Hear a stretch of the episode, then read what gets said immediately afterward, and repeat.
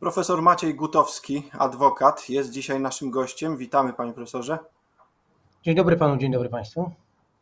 No, wielkimi krokami milowymi zbliżają się e, e, finał kamieni milowych, czyli tego, co teoretycznie, jak wszyscy słyszymy, ma nam umożliwić korzystanie z unijnych środków na Krajowy Program Odbudowy. Czy jesteśmy już naprawdę blisko, panie profesorze?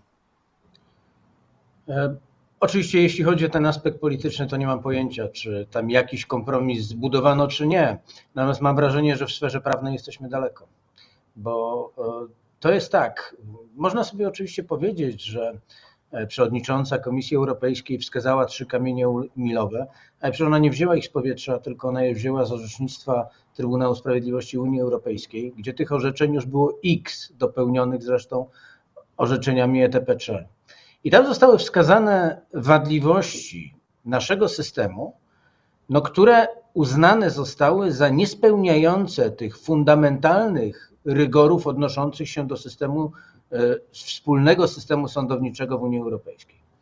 Więc y, oczywiście można to zredukować do tych trzech elementów, a dziś tak naprawdę próbować redukować do jednego elementu, bo w gruncie rzeczy jedynym zredukowanym elementem to jest y, Izba Dyscyplinarna. Formalnie ma przestać istnieć, gdy spojrzeć na zastrzeżenia wynikające z judykatów Trybunału Sprawiedliwości, no to przyczyny w ogóle nie są zlikwidowane, bo ona nominalnie w istocie to będą, e, to będzie inna izba, ale tych 11 wybierze e, prezydent spośród e, wszystkich sędziów, co do których również są ci, co do których odnosiliśmy się zastrzeżenia Trybunału Sprawiedliwości Unii Europejskiej, więc to jest, to jest kłopot. No i panie profesorze, właśnie, bo no, mówimy bardzo hasłowo o tych kamieniach milowych. Likwidacja Izby Dyscyplinarnej, przywrócenie do orzekania sędziów, którzy no jak rozumiemy, niesłusznie zostali od niego odsunięci, ale niekoniecznie ci, którzy mają na koncie no przynajmniej zarzut popełnienia poważnego przestępstwa, tylko ci, co, co do których e, były e, zastrzeżenia natury politycznej raczej wysuwane przez, przez, przez organy te dyscyplinarne, no, przy, przywrócenie sędziów, likwidacja izby, ale też ustanowienie, ustanowienie postępowania dyscyplinarnego trzymającego standardy. I teraz no, mam tylko, że likwidacja izby, czy to jest, czy to chodzi o twór, czy to chodzi o sędziów, którzy w niej orzekali? Osoby, niektórzy nie powiedzą o nich sędziowie. No właśnie, powiedzmy sobie, powiedzmy sobie od samego początku, tak? Bo, bo y, kiedy zastanawia się nad prawem, trzeba zastanowić się, co się w nim stało i dlaczego. A tu mamy sytuację, która nam się otwiera 7 lat temu, kiedy rozpoczyna się od Trybunału Konstytucyjnego, w którym efekt jest taki, że wymieniono sędziów wcześniej niż na to pozwalała konstytucja. Taki jest mechanizm, to przesądził Europejski Trybunał Praw Człowieka w y, orzeczeniu Kseroflu. Mamy naruszenie zatem u samego zarania zmierzające do tego, aby przyspieszyć ten moment, który upatrywany jest przez większość rządzącą za y, no, zlikwidowania ośrodka, które mogłoby przeszkodzić przeprowadzeniu reform. Dalej mamy całą historię w Sądzie Najwyższym, która uruchamia te postępowania przed Trybunałem Sprawiedliwości Unii Europejskiej, która miała odsunąć, że tak powiem, starych sędziów sędziego Sądu Najwyższego od orzekania. Ona gdzieś tam się zatrzymała dzięki Trybunałowi Sprawiedliwości Unii Europejskiej, który zresztą powiedział między innymi to, że po pierwsze ta Izba Dyscyplinarna, o której wspomniał pan redaktor, ona nie spełnia wymogów e, sądu z różnych przyczyn, ale i to, że sąd w sądzie, ale przede wszystkim to, że jej członkowie są powołani przez Krajową Radę Sądownictwa, która została zbudowana z naruszeniem konstytucyjnych i unijnych reguł, a ta Krajowa Rada Sądownictwa dalej produkuje, że tak powiem, choć to nie jest właściwe słowo, sędziów. E, I to są te reformy, które się gdzieś pogłębiają. I dziś musimy spojrzeć na to, co się właśnie wydarzyło, czyli gdzie mamy dwie równoległe procedury. Z jednej strony ustawa o Sądzie Najwyższym i ta zmiana, która ma formalnie likwidować e, Izbę Dyscyplinarną, z drugiej strony ta ustawa o spłaszczeniu struktury sądownictwa i sądach powszechnych. Bo to przecież jest całość. Całość, która zmierza w jednym kierunku. Otóż, co się dzieje? Trybunał Sprawiedliwości Unii Europejskiej i ETPC mówią, sędzia, który został powołany w wyniku tak wadliwej procedury, nie spełnia wymogów bezstronności i niezawisłości. E, te gwarancje nie są zachowane. Dopełnia to Sąd Najwyższy Polski, dopełnia to Naczelny Sąd Administracyjny. Odpowiedź jest taka: ustawa kagańcowa. Nie wolno wam kwestionować tych sędziów. To pada. Pada ten koncept, pojawia się dziś inny. Wprowadzimy test bezstronności i niezawisłości, ale zbudowany tak, żeby go nie można było użyć. Czyli krótko mówiąc, zrobimy tak. Najpierw masz 7 dni, odkąd ustanowiony został skład. Później nie możesz go złożyć.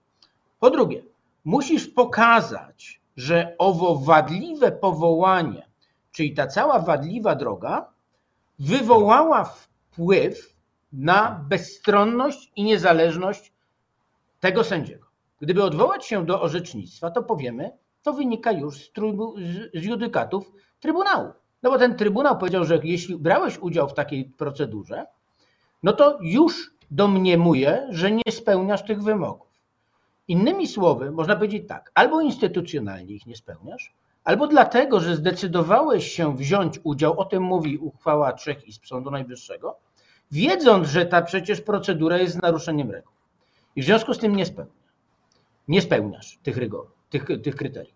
Ale ustawodawca mówi nie. Ja muszę w tych siedmiu dniach pokazać, że ten kon konkretny sędzia będzie de facto nieuczciwy w mojej sprawie e, i utracę to uprawnienie, jak tego nie, jak tego nie zrobię. Do tego, jeśli nie wykażę tego, to mój wniosek będzie odrzucony.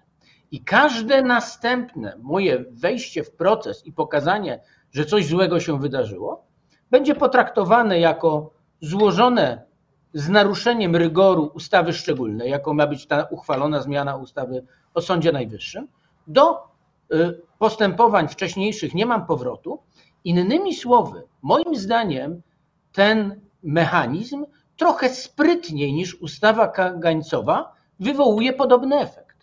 Innymi słowy, legalizować ma te wszystkie wadliwe procedury, które się zadziały.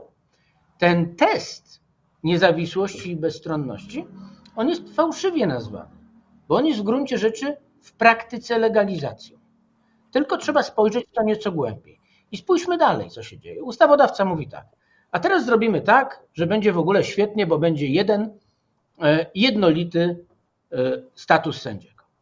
No bo będzie sędzia sądu okręgowego, likwidujemy apelacyjne, likwidujemy okręgowe, e, będzie sąd okręgowy, który będzie wszystkie sprawy rozpoznawał. Ale kto będzie rozstrzygał apelację? Kto będzie rozstrzygał o nakazach zapłaty? Kto będzie w rodzinnym? Kto będzie w księgach wieczystych? O tym będzie decydował minister sprawiedliwości. Dalej. O tym, kto będzie w sądach regionalnych, również. Gdzie będzie się tworzyć oddziały sądów zamiejscowych, również. Czyli krótko mówiąc, ten wpływ oddziaływania na polskie sądownictwo organów władzy wykonawczej, on będzie się pogłębiał. W związku z tym ta kontrowersja pomiędzy Polską a Unią Europejską paradoksalnie moim zdaniem się powiększa. Więc ja nie wiem, czy można w politycznym e, spojrzeniu powiedzieć, uda się z Unią Europejską dogadać. Nie mam zielonego pojęcia, czy się politycy są w stanie porozumieć. Natomiast wiem jedno, że chaos w sferze prawnej zostanie scementowany, jeśli na koniec dnia nie Komisja Europejska, tylko Trybunał Sprawiedliwości Unii Europejskiej będzie to oglądał, no to coś mi się wydaje, że on dalej będzie widział problemy. No chyba, że Unia Europejska kompletnie na nas machnie ręką i powie, a róbcie sobie co chcecie w Polsce, tylko to my zostaniemy z tym wymiarem sprawiedliwości, który przez 7 lat no, no już w tej chwili doprowadzono do stanu yy, no, przedagonalnego, choć wcześniej był kiepski. No tak, tu, tu, tutaj sukcesu nie widzimy i jest takie stare powiedzenie, że jak ktoś czegoś chce, to szuka okazji, by to zrobić, a jeśli nie chce, to szuka wymówki, szuka e, e, problemów, tak? Czy, czy, czy, to, jest, czy to dobrze obrazuje ten stan rzeczy, w którym jesteśmy? To moje pierwsze pytanie, a drugie, Pan profesor wyraźnie rozróżnił dyskurs polityczny i prawny. Ja rozumiem, że, że ktoś tu chce mieć polityczny sukces, a jednocześnie od strony prawnej szuka wymówki, by czegoś nie zrobić. Znaczy, ja, nie, ja jestem pewien, że to jest droga, która została obrana 7 lat temu. Ja nie chcę powiedzieć, że ona z góry była przewidziana, bo tak nie było, ale ona z góry była ukierunkowana na osiągnięcie tego efektu. Jaki ten efekt jest? No widać na załączonym obrazku. E, wspomnę o e, wyroku umarzającym ostatecznie postępowanie z uwagi na znikomą społeczną szkodliwość w stosunku do e, pana koleżanki po fachu, pani redaktor Ewy Siedleckiej, gdzie no, w ogóle uznanie, że można mówić o przestępstwie w cudzysłowie, bo choćby o bezprawności jej działania, no obrazuje mi, w, który, obrazuje, w którym punkcie my dziś jesteśmy. Bo to całkiem poważnie wskazuje na to, że my dziś mamy sytuację, w której sędziowie działają, wyprzedzając i myśląc o tym, co ewentualnie mogłoby się gdzieś wydarzyć, że ujmę to w ten sposób. Ale e, dalej idąc w kierunku, który, który, który Pan pyta, to powiem tak, oczywiście, że trzeba rozróżnić dyskurs polityczny i dyskurs prawny, bo e, to są dwie zupełnie różne historie.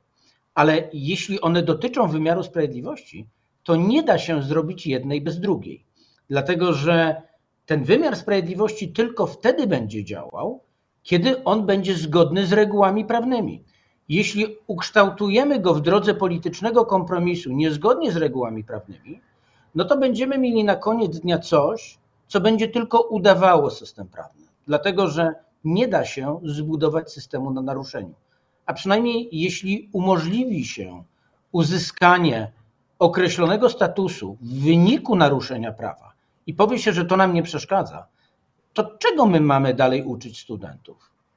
Że można naruszyć reguły konstytucyjne, że można naruszyć reguły prawa unijnego czy konwencje międzynarodowe, w ten sposób z naruszeniem wziąć udział w konkursie, zostać sędzią, a potem w drodze kompromisu politycznego politycy powiedzą: My jednak potrzebujemy E, od Unii funduszy strukturalnych, a Unia powie, a my jednak potrzebujemy od Polski e, tego, aby poradziła sobie z sytuacją związaną z konfliktem na Ukrainie, w związku z czym zawieramy kompromis, wymiar sprawiedliwości za Ukrainę. Ja mam jutro pójść na wykład do studentów i powiedzieć, wiecie co, właściwie od jutra się uczymy o praworządności.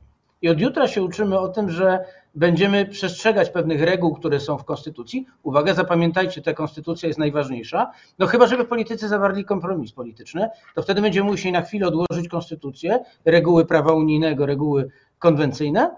No i od jutra już będziemy mówić poważnie o Konstytucji.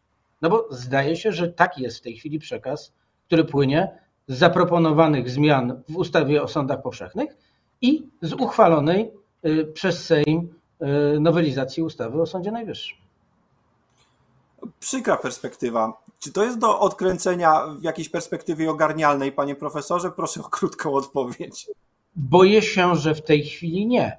Boję się, że w tej chwili nie, że liczba sędziów, którzy uzyskali status zawodowy y, w wyniku udziału w konkursie, który uchwała trzech izb określa jako dokonany z naruszeniem reguł, jest już tak duża, że względy pragmatyczne i praktyczne przeważą nad tym, żeby powiedzieć, zlikwidujmy to naruszenie. No bo likwidować to naruszenie można by po pierwsze, a powiedzieć, dobrze, wszyscy, którzy brali udział, muszą powtórzyć.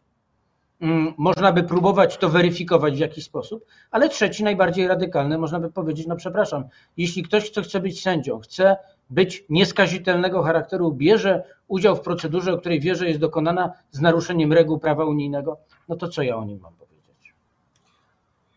Nie podpowiem panu i współczuję tego, że będzie musiał pan coś wymyślić. Profesor Maciej Gutowski, adwokat, był dzisiaj naszym gościem. Dziękuję za Bardzo rozmowę.